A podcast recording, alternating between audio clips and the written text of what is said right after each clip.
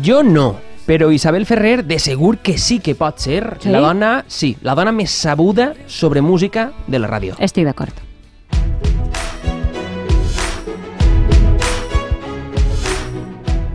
Bona vesprada, Isabel. Hola. Bona, bona vesprada i gràcies per la presentació. Ah, vaja, eh. Oh, mira, de res. Sí, és de veres. És de bades. És de veres. És de bades. Ah, ah, és de veres, és de i veres i és de bades. bades. Va, anem al gra, anem al gra i comencem avui la secció amb esta música.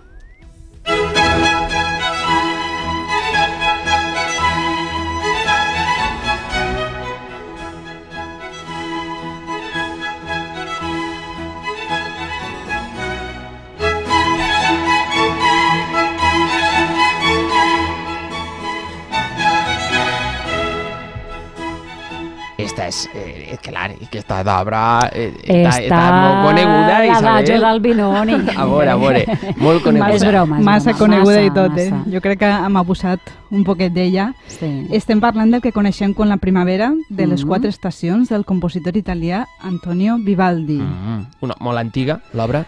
Uns quants anys, uns 300. Ah, Sí, pertany a un estil que hem convingut en anomenar barroc. Eh, 300 anys, quasi res. La, la primavera que està dins de les quatre estacions, has dit, com, a veure, com ho hem de dir? Com s'anomena? Com ho hem de dir? Sí, tot i que avui en dia quan diguem quatre estacions segurament Sí. pense, pensem més en una pizza que no en música, en música clàssica. Les quatre estacions són el nom que reben quatre concerts per a violí que va escriure Antonio Vivaldi. Mm -hmm. Quan diguem concert, a més de la definició general que coneixem tots d'un concert, en música clàssica ens referim a una obra, sempre instrumental, que quasi sempre és per a un instrument solista i Mhm. acompanyament d'orquestra. Ah, El títol que sol portar és concert per a tal instrument, violí, trompeta, piano, en tal tonalitat. és de veres. Concert Ah. per a violí, no sé què, be, be, be, me, menor, be, Sí, bemol. exacte, no sé la tonalitat, Molt bé, major, bé, sí. re major. És així, és així. Aleshores, el cas és que Antonio Vivaldi, el compositor que estem escoltant, va escriure més de 500 concerts per a diferents instruments solistes, sobretot per a violí, que en té uns 250. Uh.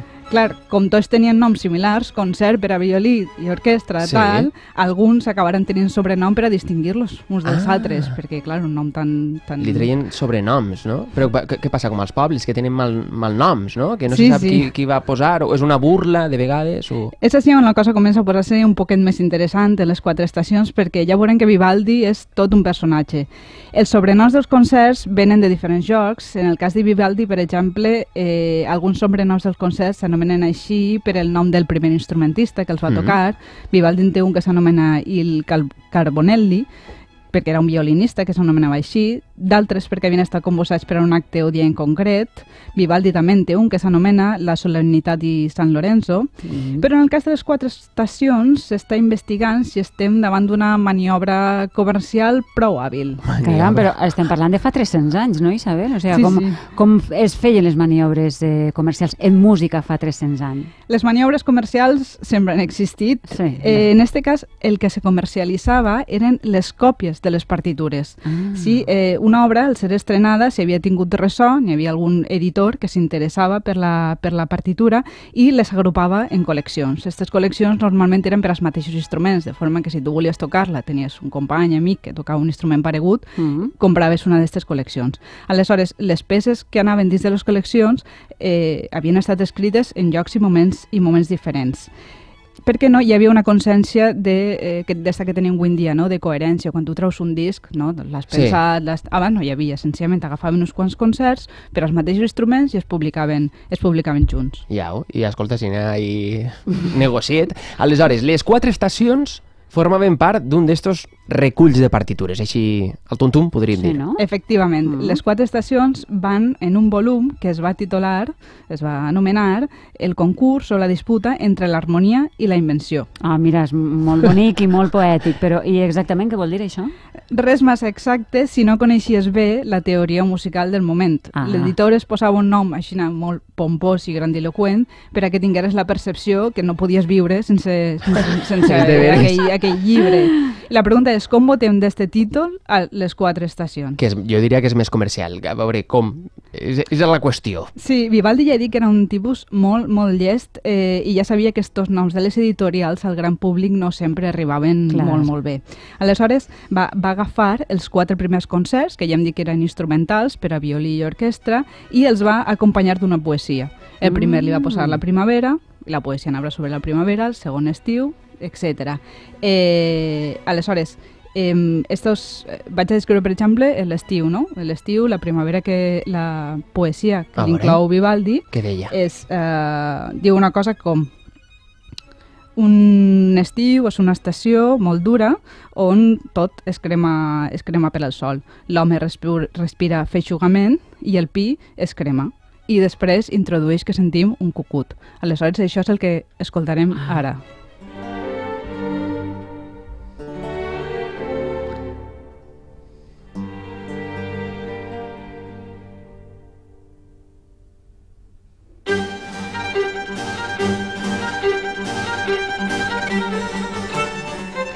sentit un tros, un fragment que descriu este moment no, de l'estiu on tot crema, de després de dinar, que no pots apenes moure't, i després introdueix en el violí este moviment de cucut, cucut, que ah. ell va fent, així va com descrivint. Anem a posar un mateix exemple, que este és el concert que pertany a l'estiu, ja del tercer moviment, que és on ell descriu una trona. Una, troma. A veure.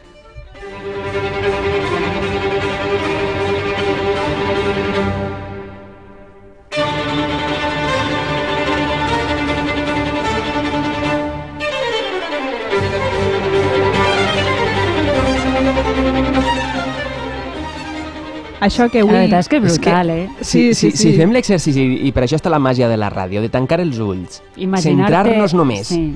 i és que t'imagines una, una tempesta?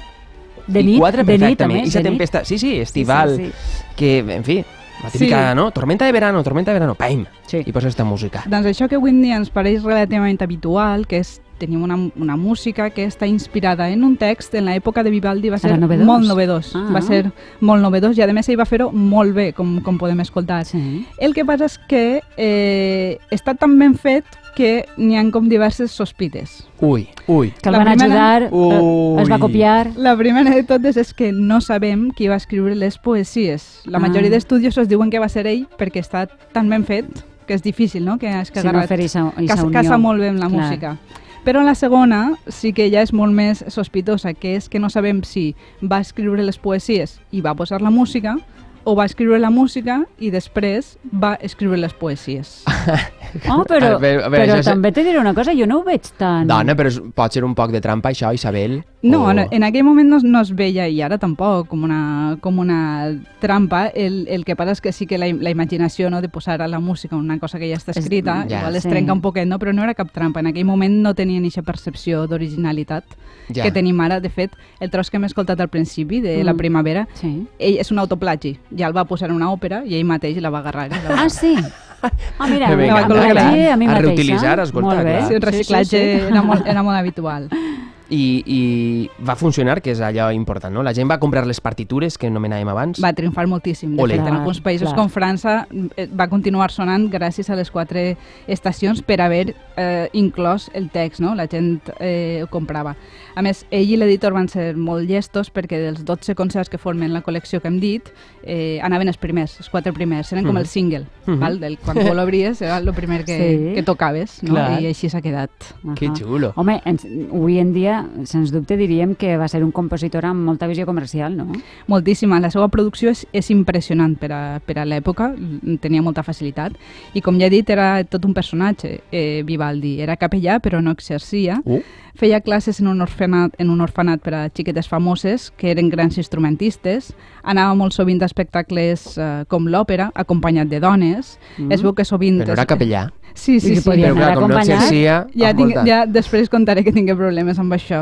I la seva, la seva vida ha donat ja per a fer pel·lícules i fins i tot avui en dia, perquè a més, gran part de la seva biografia n'hi ha moltes llacunes. No la coneixem, aleshores. Ah. Dona per a deixar Volar volar la la, la, imaginació. imaginació. no? Clar. Mm. De tota manera, jo tinc entès, Isabel, tu ho sabràs millor, que el pas del temps, com que no l'ha tractat massa bé, aquest home, no? Avui en dia podem dir que sí, però ha costat. Sabem que en algun moment de la seva vida, justament per ser capellà i portar esta vida que convivia amb una cantant, amb una mezzosoprano molts anys, Mhm. van començar a, a censurar-lo.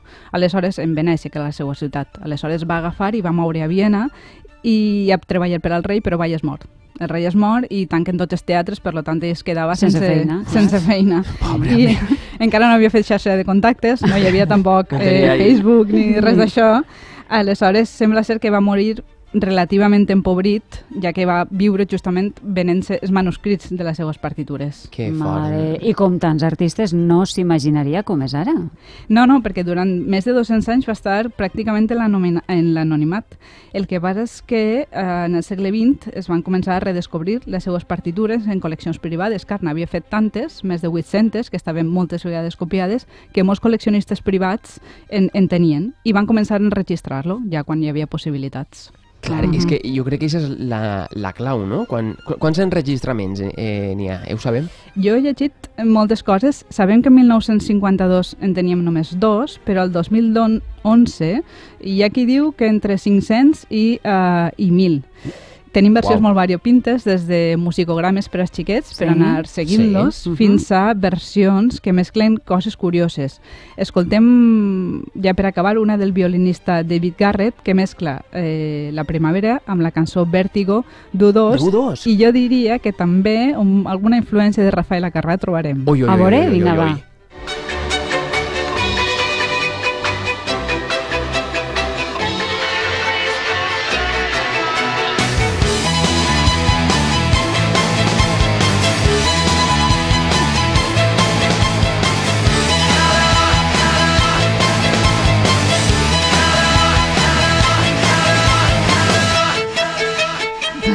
va. ui. Però m'encanta! Sembla que vulga dir una mujer en el armario. Sí, que dolor i tot. Però efectivament, eh? eh, Sí, sí, les, sí. les tres Que eh, ítems que, que, que has donat. La mescla ha quedat així curiosa.